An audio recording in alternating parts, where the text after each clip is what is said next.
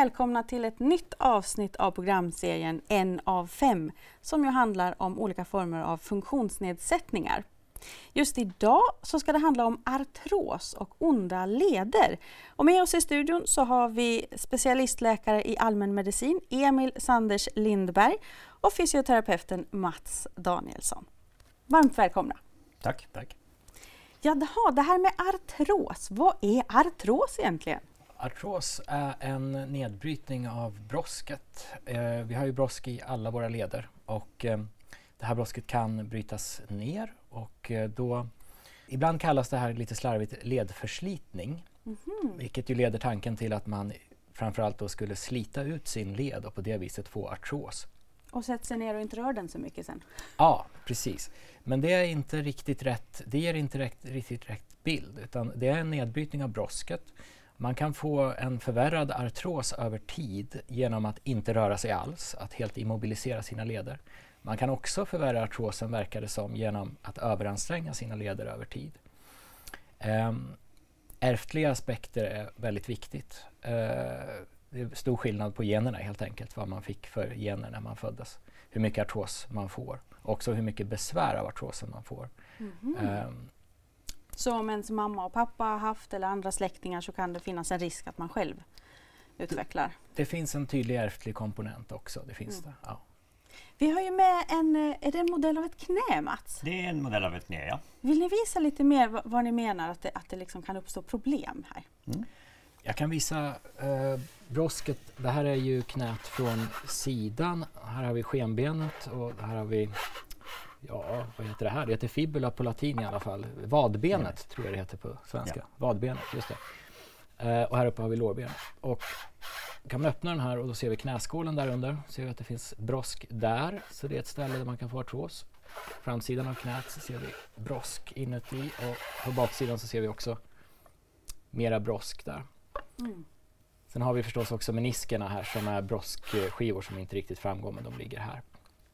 En sak till som är viktig i artros som vi nog kommer tillbaka till det är att vi har också en ledkapsel runt knät. Uh, den är inte med på den här modellen. Uh, men den, den, är också en viktig komponent i, i det här. Men här har vi ett knä. Jag förstår att, att, det kan vara vanligt att det kommer i knät. Men i andra leder då, var, var kan man hitta artros? De två vanligaste lederna är ju knä och höftled. Absolut okay. vanligast. Och lite vanligare tyvärr hos kvinnor. Mm -hmm. På det viset. Ja, hur vanligt är det? Ja, det, du hade en siffra från Svenska Reumaförbundet. Mm. Där en av fyra över 45 år har artros. Varav säkert väldigt många av dem inte vet om att de har artros, för de har helt enkelt inga symptom. Mm -hmm. Och vad har du för siffror? Ja, jag har faktiskt med flit kan vi säga inte just tagit fram en siffra för att eh, eh det, det, är precis som Mats säger att eh, artros kan man ha utan att alls märka av det. Mm.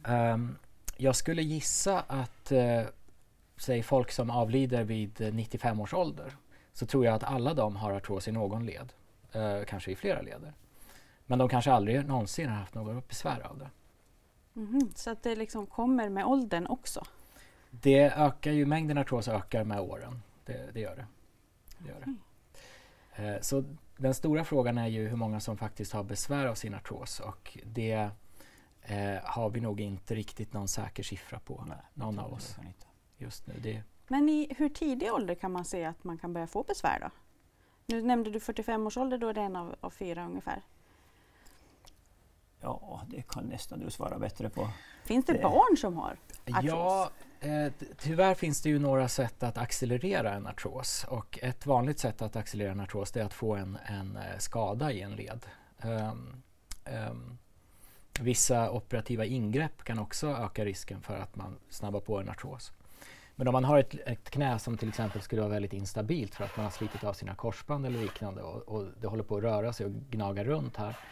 Eh, man kanske har gjort flera artroskopier där man har tittat in i knät som också ökar risken för artros.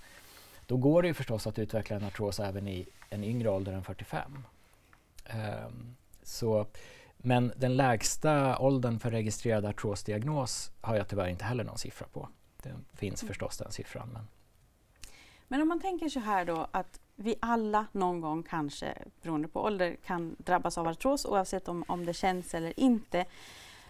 Vad, vad är det som säger att det liksom, vad beror det på? Kan man liksom påverka det själv eller är det bara det här till exempel med arvet? Då? Alltså det som ofta händer, som jag ser mycket av, det är att um, det första symptomet som folk brukar märka tycker jag, det är uh, stelhet, att de har börjat känna sig lite stela i, i, något, i någon led. Um, och det eh, får man nog förstå som att det är ledkapseln runt här som börjar stelna ihop. Det där leder sen till, kan leda till att man använder leden mindre och mindre. Då tappar man muskulatur runt så man får en sämre stabilisering av leden. Man får också en mindre, ännu mindre rörlighet i ledkapseln som då inte så att säga får, får stretcha eller användas. Så det stelnar ihop, det blir svagt. Det som händer sen som gör att folk söker vård är ofta att de har något litet, litet trauma, någon liten, liten vridning, någon liten, liten överbelastning som mm. sparkar igång en inflammation i, det här, i den här leden. Och då kan man få en akut smärta, det kan svullna upp och det kan göra fruktansvärt ont. Och så, och så kommer man kanske då med typiskt med ett svullet knä och väldigt plågad av, av det här. Och vad säger ni då till dem?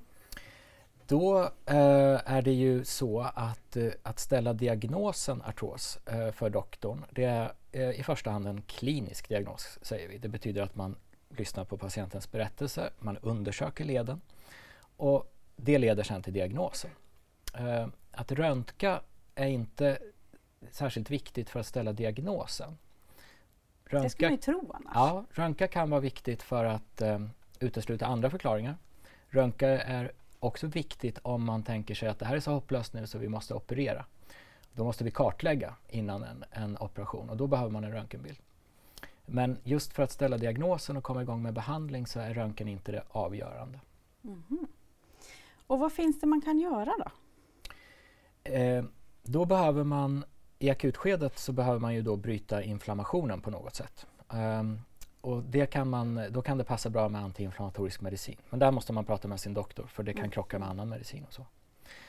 Um, nästa steg som är det, uh, som är det helt avgörande, uh, det är att komma igång med fysioterapi, uh, komma igång med träning. vilket Mats kommer berätta mer om. men det är det som, det är, det som är behandlingsnivå 1, 2, 3 och 4, det är fysioterapi. Um, jag har stött på människor som på röntgen där vi, man tog en röntgenbild så såg man att det fanns inget brosk kvar alls. Det var ben som låg och gnagde mot ben. Jaha. Fruktansvärda smärtor, svullet och hemskt. Um, som blev besvärsfria uh, med hjälp av fysioterapi. Är det sant? Har du varit med om det Mats? Att du har sett att folk har blivit smärtfria? Besvärsfria är kanske ett starkt ord, men de blev mycket kraftigt förbättrade. Vi ja. tänkte först, det här måste absolut opereras. Och sen ändrade vi oss till att nej, det måste faktiskt inte absolut opereras, utan det är hanterbart tack vare fysioterapi. Mm. Ja, och det är just det ordet hanterbart. All ja. smärta försvinner ju inte, nej. men du kommer att kunna klara av att ha den där smärtan. Mm. Och, och, det är jätteviktigt när man har artros att man inte blir rörelserädd och slutar röra på sig, för då blir artrosen bara värre. Då har du sett den där onda cirkeln igång och det bara blir värre och värre och värre. Mm. Men det finns fall där man väljer att operera ändå. Är det, alltså hur liten procent av alla skulle du säga att är det som rekommenderas en operation? Än en gång har jag inte siffror på det. Eh, det är väl så att ehm, eh, sådana fall finns, absolut. Eh, det är inte en jättebra överensstämmelse om man säger med hur illa ser det ut på röntgen. Det betyder inte att därför måste vi operera, som vi just nämnde här. Um, men vissa eh, misslyckas, får inte ordning på sin artros. Eh, det är väl ofta så att då kan det finnas en betydande övervikt och det kan finnas annat som belastar leden lite extra. Men det är inte alltid så. Ibland lyckas man inte, eh, trots optimal fysioterapi, få, få riktigt ordning på det och då kan man välja att göra en operation. Men den är kanske inte heller helt riskfri på det där komplikationer och så tänker jag? Det är den inte. Eh, sakerna ska sättas in, det ska hamna rätt, det ska fastna. Eh, det ska absolut inte bli en infektion med bakterier eh, för då, då är det väldigt illa. Då måste man ofta plocka ut eh, proteserna och sen har man ju ingen led alls e-, efter det. Um, och så vidare. Så att det, det, mm, det vill man undvika till varje pris. Dessutom har materialet en begränsad livslängd så att mm. det kommer slitas ut. Och gör man det i för unga år, då är det utslitet. Då måste man göra om operationen med förnyade risker som då är mycket större. Um, så att än en gång, det viktigaste är att man försöker undvika egentligen att komma dit. Och det gör man genom att optimera sin fysioterapi. Uh, eh, än en gång. Det, det, är då man minimerar risken att behöva hamna under, på operationsbordet. Så att säga. Och även om du tränar, om du hamnar på operation, om du har tränat före, så blir slutresultatet efter operationen mycket, mycket bättre. Så ge dig åtminstone tre, fyra månader innan du opererar med effektiv träning. Då mm. får du ett mycket bättre resultat fast du måste operera dig. Jätteviktig aspekt. Ja. Och, och, där, där kan jag tycka ibland att där tappar vi de här, de här att man, man liksom vågar inte träna. För man är rädd att det ska smärta och rädd att man ska förvärra symptomen. Men det är jätteviktigt. Du har fått in den här koordinationen, balansen. Du, du känner din kropp lite bättre mm. när, när, du operer, blivit opererad. Och då har du så mycket lättare att hitta tillbaks till de här rörelserna efteråt. Mm. Det är otroligt viktigt att vi ska få tag i de här före operationerna. Ja. Jag tänker på en annan sak. Temat idag är ju artros men också onda leder. Och man kan ju ha onda leder av andra orsaker än artros också. Vad finns det för annat? Onda leder som symptom är i och för sig ett väldigt vanligt symptom. Um, men um, det, finns, uh, en, det finns ju andra sjukdomar och det kan vara då det vi kallar artriter. Och artrit är en, uh, en inflammation i leden som kan vara från någon form av reumatism, så en autoimmun uh, sak. Eller att det kan vara från någon slags infektion där borrelia-artrit är en sån sak. Då. Mm. Um, de reumatiska artriterna de är otäcka därför att de kan bryta ner leden och skapa en artrosliknande bild men det, det, det, det är en artritnedbrytning av leden. Uh, artriter känner man typiskt igen på att leder svullnar upp uh, och börjar deformeras. Um, så det finns några artritsjukdomar. De är gudskelov ganska ovanliga. Mm. Eh, de finns, men de är inte så vanliga. Uh, så det är ju doktorns uppgift att skilja de här sakerna åt. Artrit, artros eller ledsmärta som är ofarlig och inte direkt behandlingsbar förutom att det ofta handlar om eh, stelhet och svaghet också och att man även där kan komma ganska långt med fysioterapi. Men när ska man gå till läkaren då? Jag tycker att man ska gå till läkaren om man känner att man har um, tydliga besvär. Och att man, uh, om man märker att man börjar äta en massa smärttabletter eller att man inskränker sin aktivitet. Mm. Och att man kanske, kanske börjar hamna i någon form av ond cirkel. Att man blir mer stillasittande, att man väljer bort att göra saker man tidigare gjorde. För då, då hamnar man i en försämring och då är det bättre att komma till läkaren förr hellre än senare. Ja, vi kommer ju att faktiskt visa lite övningar här idag tillsammans med mm. Mats Danielsson. Eh, men jag tänker också det här, eh, du nämner att övning och fysioterapi, det är liksom det som är svaret på artrossmärtan, eh, i alla fall till stora delar. Men måste man ha gått till en läkare och fått den diagnosen för man sen kan till exempel gå till någon fysioterapeut, eller kan man gå och försöka det först? No, I dagsläget kommer väldigt många utan remiss till oss, utan att vara till läkare. Och, och då misstänker vi många gånger artros. Då. För när, när, det kommer en, en, patient till oss så gör vi en undersökning och tar lite anamnes och kollar igenom lederna då. Och då kan man ju naturligtvis om den äldre person börjar misstänka att det finns en artros. Då. Och, och, då kan vi ju göra en artrosbehandling och testa hur det fungerar. Och alla de här, nästan alla ledbekymmer så kommer ju att bli bättre av att träna styrketräning, träna ledkoordination, träna konditionsträning. Vilka är de grejer du ska träna vid artros, men också vid många, många andra. Mm. Så det är lite win-win där på den? Det, man, det, är win-win-win. Man ja. behöver inte vara rädd för att Nej. ta och, den vägen. Och som, som, du sa förut, att det här med röntgen, det, det, det, spelar ingen större roll om du har gått igenom en röntgen eller inte. Jag har patienter som har haft fruktansvärt fulla röntgenbilder och nästan inga symptom alls. Och sådana som har haft jättefina röntgenbilder med väldigt mycket symptom. Och där kommer ju lite förklaringen med att, att det är ju egentligen, som du pratar om, ledkapseln då, som ger den stora smärtan. Det är mm. inte inne i själva leden som du får smärtan, utan det är strukturerna runt lederna som ger din smärta. Börjar du då försiktigt röra på leden så kommer smärtan så småningom att släppa och du kommer att bli bättre. I de flesta av fallen, ska ja. alltid säga till dem. Vi lyckas inte alltid, tyvärr. Men jag tänker på, för oss som inte lever med den här artrosen eller smärtan, hur, hur mår patienterna när de kommer till er eh, första gången kanske och, och, har den där värsta smärtan? Hur berättar de att de mår? de är väldigt oroliga och ofta trötta. Och ganska, ganska desperata skulle jag säga att de är. För de har kanske levt ett liv där de har rört sig mycket och sen plötsligt så händer, som du säger, det, det händer någon, något extra och så kan de inte röra sig mm. på det sättet de skulle vilja röra sig. Så de är ganska oroliga, smärtsamma naturligtvis, för de kommer ofta då när de har den här svullnaden, värmestegringen och smärtan. Mm. Och då behöver de ju få lite hjälp för att komma igång igen, komma tillbaks till sin rörelse, för det är ju dit du ska hela tiden. Jag kan tänka mig också att när man lever med smärta så tar det liksom över huvudet, man kan ja. inte tänka klart. Och du blir rädd att röra dig. Och då har du tyvärr gått in i den där onda cirkeln, där det går bara runt, runt, runt. Men hur ska man våga då? Vad säger du till dina patienter? Säger, ja men du har jätteont men gå ut och rör dig. Jag brukar säga att artrosen, jag brukar förklara den här mekanismen med den här onda cirkeln med tilltagande stelhet, svaghet och hur, hur det är en ond cirkel och att artrosen så att säga vill att du ska sitta still och stelna ihop och bli handikappad. Men det vill inte du. Så att du måste aktivt bryta det här och det kan du göra. Men du behöver stöd, eh, professionell hjälp ofta av en fysioterapeut. Um, och det, det, är så jag brukar formulera det. Det andra är ju att jag kan ju förstås också bidra med att dämpa ner den akuta inflammationen. Mm. Det finns hjälp att få på det? I, ja, mm. i första hand uh, olika uh, tabletter. Um, i, i, I nödfall så förekommer det att vi också uh, sticker hål på en led, tömmer, sprutar in kortison det finns viss risk för komplikationer när man gör det och det finns också vissa tecken till att man kanske faktiskt över tid accelererar artrosutveckling om man håller på mm -hmm. och sprutar kortison i leder hur som helst. Så, så det är en kortsiktig lösning? Det är en kortsiktig absolut nödfallslösning. Det, det undviker vi så långt det möjligt är.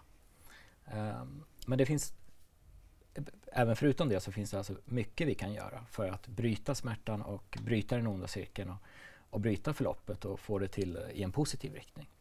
Och väldigt många solskenshistorier skulle jag vilja säga. Att. Mm. Mm. jag brukar ofta använda en, en smärtlinje där, där då noll är ingen smärta alls, tio är den värsta smärta du någonsin kan tänka dig. Mm. Så länge du håller dig under fem och rör dig på den smärtan och var din femma ligger, det är ju helt individuellt så kommer du inte att, det kommer inte att hända något med din led. Börjar du gå upp mot en 8-9 och belasta så mycket och det gör så fruktansvärt ont, ja, då belastar du alldeles för mycket. Men våga belasta där under femman. Mm. Är du lite försiktigare, ja, belasta upp till tre då, men belasta lite och rör dig lite. Då. Det gäller att känna och, sig själv lite grann? Ja, det kommer att bli väldigt mycket att du behöver känna dig själv. Då. Mm. Och även vi har ju då också möjlighet att sätta in lite olika antiinflammatoriska behandlingar och avsvällande behandlingar i ett första skede. Mm. Bara med syfte att komma igång, få bort smärtan så att du vågar börja röra på dig igen. För det kommer att vara rörelsen som är den avgörande faktorn för dig. Det är ni båda två överens om? Ja, mm. fruktansvärt överens om. Men, men, du, men du kommer du och är så där desperat så du vågar inte röra på dig. Du måste Nej. få den där, bort den där smärtan först. Sen vågar du börja röra på dig igen. Och där är det nog många som kommer igång när man får, när man får bort den värsta ja, smärtan. Ja. Och där ska ju vi samarbeta ganska mycket. Mm. Jag skulle vilja flika in en liten sak till innan vi går över till, till uh, övningarna. Mm. Um, det är att um, det finns ju, just eftersom det här kroniskt och väldigt vanligt så finns det också um, folk som så att säga vill tjäna pengar på, på det här. Och en sak som inte är helt ovanlig det är att Um, det finns ett preparat som kallas glukosamin som är mer eller mindre populärt. Um, och uh, historien bakom glukosamin, uh, för jag stöter på det ganska ofta så jag ville passa på att säga lite om historien bakom. Mm. Det är så att um, uh, man hade travhästar som sprang och sen så fick de artros i sina leder och sen skulle man slå ihjäl de här hästarna. Men så kunde de, man få dem att springa ytterligare ett lopp om man tog tuppkamsextrakt. Okay. Ja, från tuppkammar. För det är en broskliknande substans där i. Och sen sprutar man in det i hästarnas leder. Så smorde man upp de här lederna så kunde de springa ett lopp till. Ganska kort effekt då. Mm. Um, sen var det någon klyftig person som uh, hittade på idén att ta samma substans, glukosamin, fast och göra det i tablettform. Och säljer det då uh, mot artros. Um, men Problemet med det då är att eh, det här ämnet det bryts helt och hållet ner i magsäcken. Det blir bara socker kvar och sen så blir det som eh, bokstavligt talat ett sockerpiller för det blir bara socker som kommer ner i tarmen. Mm. det kommer inte, eh, så det höjer blodsockret en liten gnutta, en liten stund. Någon annan effekt har det inte. Eh, det här uh, broskliknande är nedbrutet och kan, kan inte nå ut till leden. Och även om det kunde det så skulle det inte kunna bota någon artros.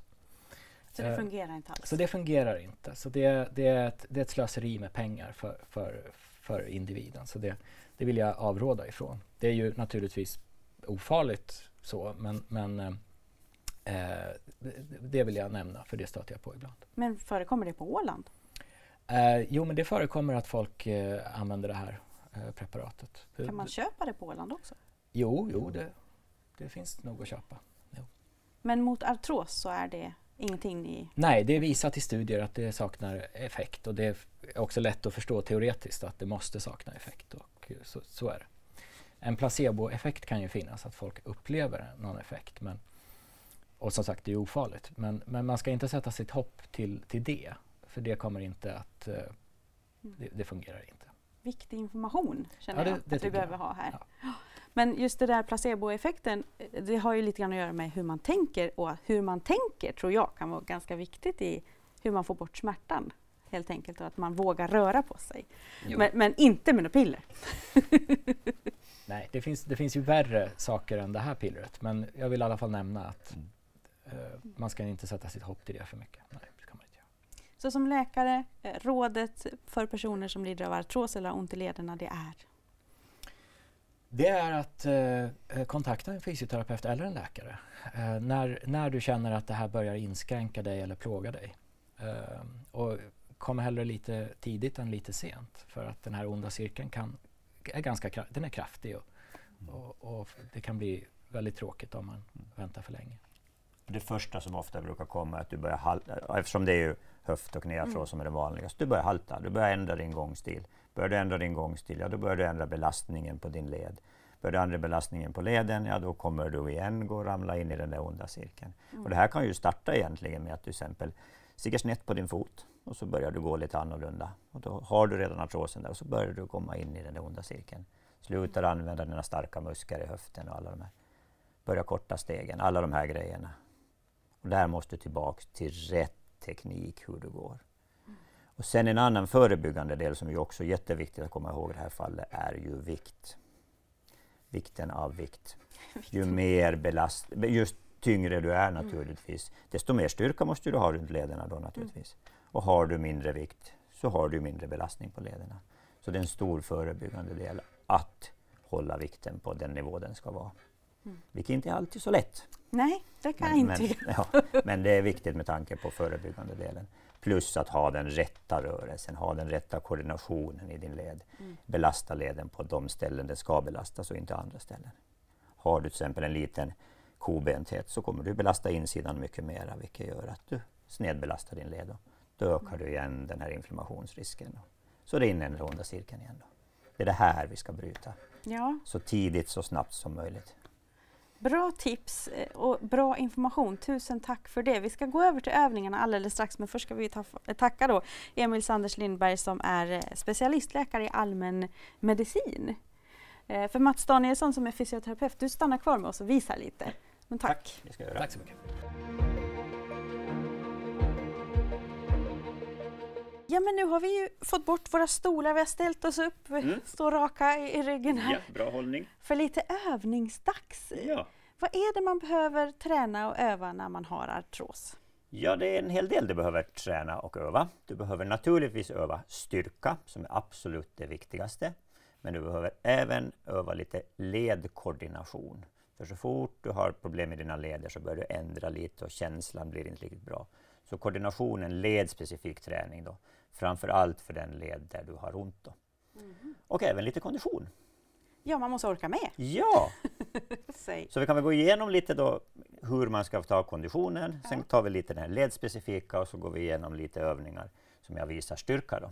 Egentligen. Vad ska, man, ska man göra någonting före man börjar med Ja, man får gärna börja värma upp lite med, med till exempel att bara jobba igång lederna långsamt och försiktigt och försöka få igång kroppen så att man är lite, lite varm. Ja, för att annars kan det väl bli eh, lite tokigt också om man är Ja, helt det kan kall. det bli. Ja, så att gärna finns- få värma upp lite. Det finns säkert mindre övningar man kan börja med om man inte alls klarar av den där konditions... Absolut, Mm. absolut. Men du kan ju också göra en konditionsträning genom att bara gå ut och gå, gå och cykla. Kanske du ska vara i vattnet. Vattnet är ju väldigt, väldigt avlastande. Mycket, mycket, mycket bra. Du kan ta ett wet väst där du kan springa i vattnet eller gå i vattnet. Och gärna om du kör en konditionsträning. Säg nu att du är totalt otränad så räcker 10 minuters gång räcker absolut för dig. Mm. Men kör det gärna som lite intervaller där du börjar med att ganska lugnt tempo, lugnt tempo, värmer upp kroppen kanske några minuter. Hittar du lite lyktstolpar, nästa lyktstolpe mellan de två, gå lite snabbare. Och så går du lite långsammare igen. Och så går du lite snabbare. Och så går du lite långsammare. Och sista minuterna så går du igen lite långsammare för att slappna av. Bara för att få upp pulsen. För om du ska träna kondition så måste du upp i puls till nästan 70 procent av ditt max. Men inte jättehög puls hela Nej, tiden, du ska- utan det du räcker med intervaller. ska vara lite att du, du ska flämta lite, men sen Okej. ska du kunna gå ner igen till det här att du kan prata. Men Mm. så ska du flämta lite när du har lite snabbare fart på. Och vad du ska göra, hur du ska göra det, det handlar ju väldigt mycket om vad din kropp tillåter att du kan göra. Nästan alla klarar av att träna i vatten. Mm, absolut, vatten är bra. Hur ofta i, i, i veckan ska man ha Du den här gärna ha en konditionsträning två, tre gånger i veckan. Mm. Och det skulle gärna få vara så småningom upp mot en 30 minuter per gång för att du ska få en effekt av det. Och då kör du de här intervallerna så att du känner att naturligtvis att du, du blir trött, men du ska inte vara totalt slut.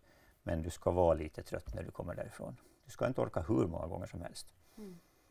Är det sen då en, någon övning man kör direkt efter när man har gjort den här konditions... Nej, du, kan- du kan ju kombinera ihop det med Ja. till exempel styrka eller, eller en ledspecifik träning. Då.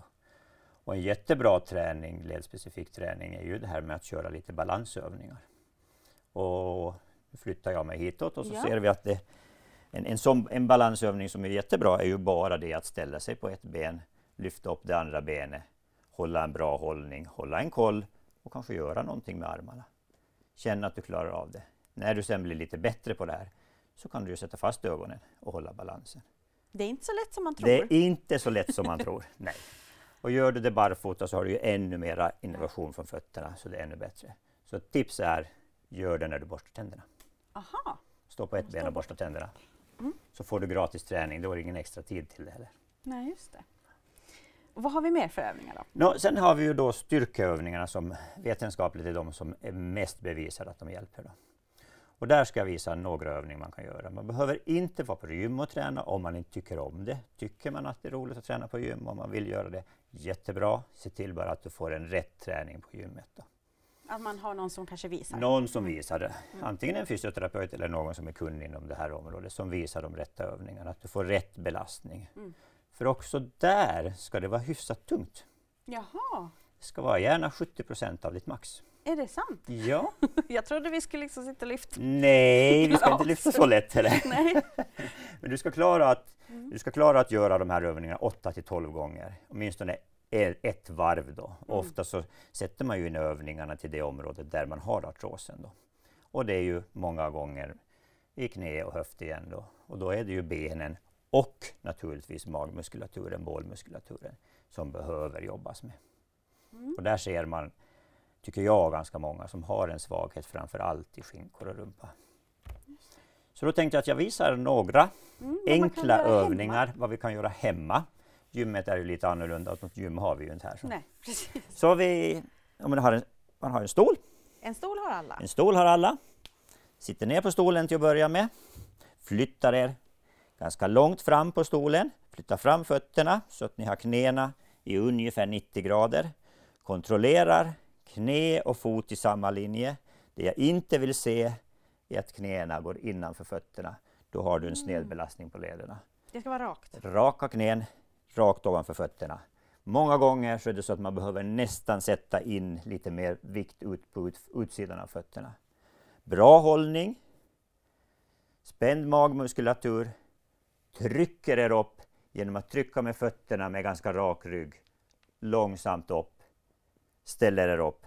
Bra hållning. Vill ni sen få med vadmuskulaturen i det här, gå upp på tå. Ja, för nu när du ställde dig upp, då höll du inte i dig någonstans, ska jag säga, Nej. för radiolyssnarna. Nej.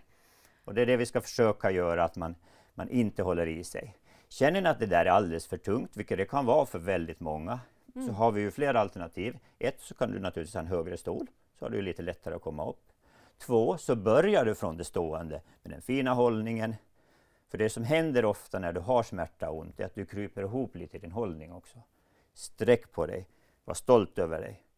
Fram med bröstkorgen. Bra hållning, spänd mage, kolla knäna.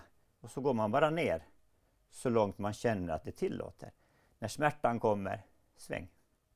Du behöver inte gå ner hela vägen i mm. början. Långsamt, försiktigt. Man bara Bra hållning. på knäna. Ja. 7, 8 till 12 gånger räcker alldeles utmärkt. Långsamt fint tempo. Kan vara att du kan göra lite snabbare upp, lite långsammare ner för att få lite mera dynamik i det hela. Där du får lite mera kraft med. Men du kan gå i samma tempo båda vägar också. Vilka muskler är det vi använder där nu då? Nu jobbar du väldigt mycket naturligtvis främre lårmusklerna, vilket är en muskelgrupp som när vi blir äldre, vilket ju också artrosgruppen ligger i, också blir svagare när vi blir äldre. Så jätteviktigt att jobba med. Du jobbar med skinkan, har du en bra hållning jobbar du med hela bålen också naturligtvis. Sen kommer det vara personer som inte klarar det här. Mm. Och då finns det ett alternativ där du sitter på stolen, sitter bekvämt, här får du sitta lite längre bak, fortfarande den fina hållningen och bara jobbar med sträcka upp, spikrakt knä, gärna dra upp lite tårna så att det stramar lite på baksidan. Känner du att det här känns ben. bra, mm. rakt ben, kan du också härifrån lite lyfta upp. Så att du får jobba och här blir det främre lårmuskeln mera som jobbar. Mm. Turvis höger, turvis vänster. Kontrollera också här, fot och knä i samma linje. Bra hållning, stolt hållning. Och så ner igen. Är det här den övningen som man kanske börjar med när det gäller styrka? Om man inte... Ja, du kan börja med den. Det beror ju på vilken nivå du ligger ja. på när du, när du ska börja. För allting blir ju individuellt. Ja, det blir mm. det. Sedan om vi vill jobba lite mera med rumpmuskulaturen, vilket är en muskel, där ska du ha kroppens starkaste muskelgrupp. Jaha, nu binder du ett band runt Ja, då använder, just det, det visar jag aldrig. Då, då använder vi gummiband. Var får man tag på de där banden? Ja, vad får På en sportaffär, sportaffär tror jag du har hittat de här. Ja, och jag tror många. till och med faktiskt i någon av våra helt Jag tror normala. att de andra, andra affärerna också. Ja. Och det finns ju då gummiband i, i olika motstånd. Det här är ett medelgummiband. Gul är ofta det lättaste. Då, eller sen kommer rött, blått, grönt och svart. Då. Så du har Men ett blått där? Jag har mm. blått här nu då, för det är benen. Så att, mina ben för, förhoppningsvis är någorlunda starka. Och så knyter, knyter du jag fast, fast gummibandet runt underbenen. Sittande, igen tillbaks till den fina hållningen, vilket gör att du lite mer aktiverar magen. Igen sitta lite fram, ungefär 90 grader. Och så jobbar du med att föra, tänker dig själv att du för knä och fot ut åt sidan i samma linje. Turvis höger, turvis vänster. Och då jobbar du med skinkmuskulaturen. Jobba lugnt, jobba bra, men jobbar sen också med att kanske bara hålla där och göra korta, korta, snabba, få in den här snabbheten i, i muskeln så du får lite olika jobb. Så det handlar inte om att spänna ut så mycket man kan en lång Nej, stund? du behöver inte hitta den långa, långa rörelsen. Här kommer mm. det att begränsas naturligtvis av din rörelse i leden. Det viktigaste är att känna att du jobbar här i skinkmuskeln. Mm. Du ska känna att du blir trött. Vid 8-10 ska du vara ganska nöjd att du vill vila. Mm. Då har du hittat en bra. Om du har lite bättre, om du har bra balans, tycker att du kan stå, då kan man köra samma övning i stående. Igen kommer jag tillbaka till den bra hållningen. Mm. Spänn magmusklerna, håll in magen lite. Stående, föra benet snett bakåt, utåt med hälen före. Jobbar jätteeffektivt i skinkan. Just här kan du ta ett ben i gången och här går det lätt att köra lite snabbare övningar ibland, lite långsammare ibland. Och där håller du i dig och det är okej? Okay. Ja, det gör jag. Det är okej. Okay. Mm. Har du bra balans, visst, då kan du stå utan att hålla i dig. Jag valde att hålla i mig för jag tyckte att jag fick mera ut av den här övningen. Risken är att om du har dålig balans eller lite sämre balans och inte håller i dig så kommer du inte så långt för du vågar helt enkelt inte. Man ska inte vara rädd för att hålla i sig, särskilt i början. Inte i styrkan, mm. nej. du kan ju specifikt öva istället den här balansen med till exempel att stå och borsta tänderna. Mm. Men vi hade också övningar för, för själva lederna va? Ja, ledspecifika övningar, alltså rörelseövningar. Så de, den övning som, som jag visar här är ju också en ledspecifik övning där vi tänker på knäleden speciellt är det mycket mer viktigt att du får en rak knäled än att du kan böja den väldigt, väldigt långt. För om du har en irriterad led, den är lite svullen och du böjer den väldigt mycket så kommer du egentligen att få mer smärta i leden för att det blir lite mindre utrymme i den här leden. Mm. Du ska jobba mycket med sträckningen bara för att du måste ha ett stabilt knä att stå på. Börjar du gå med lite böjda knän, ja, då belastar du väldigt fel. Så det är jätteviktigt att du har bra hållning, kommer fram med rakt ben, använder dina starka muskler här bak och mm. får en bra, en bra gångteknik. Där har du lite den här ledspecifika träningen. Det kan man nästan tänka när man går ut på den här promenaden bara, att man har bra raka Bra hållning, använd rumpmuskulaturen. Ja, den, så lite kan det vara? Ja, så lite kan det vara. För du kanske tappar bort stegen, du tar inte ut stegen, för det gör lite ont. Hur lång tid tar det då, skulle du säga, innan man kan känna att ja, men nu, jag har gjort det här ett tag och nu mår jag faktiskt lite bättre? Svår fråga.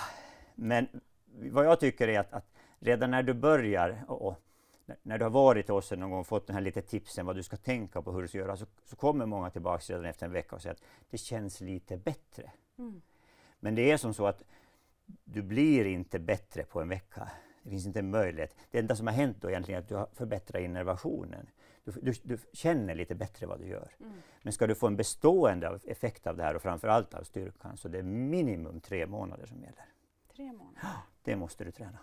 Och om man har gått sig ett år och sen så, så händer det någonting, man blir sjuk, man blir dålig och kan inte sen på några månader. Måste man börja om från början då? Ja, det beror ju på vilken sjukdom du haft i början med och hur, hur, hur långt ner du har gått då. Mm.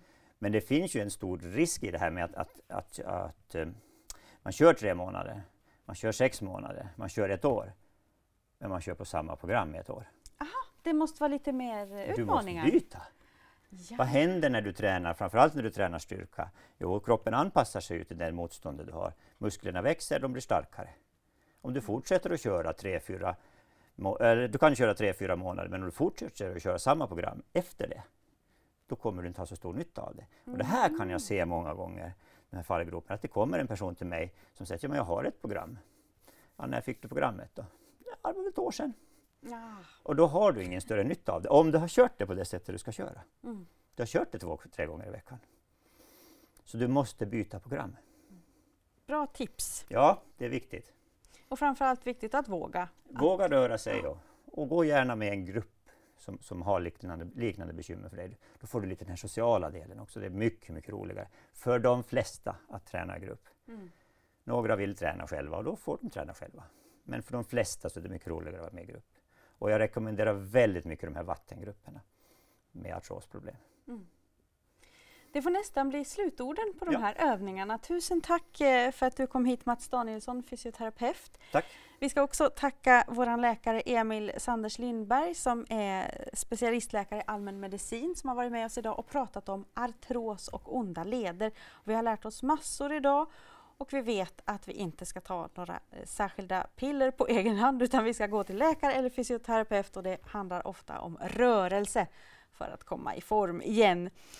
Eh, ja, programserien En av fem är slut för idag. Men vi är tillbaks igen den 3 november. Då handlar det om att hur man ska orka som anhörigvårdare. Och då träffar vi prästen, författaren och föreläsaren Lars Björklund som kommer hit för att prata om bland annat då hur man hjälper eh, demenssjuka och hur man som anhörigvårdare kan ta hand om sig själv. Det är också viktigt att tänka på sig själv. Tusen tack för att ni har tittat och lyssnat idag. Jag heter Josefina Jansson.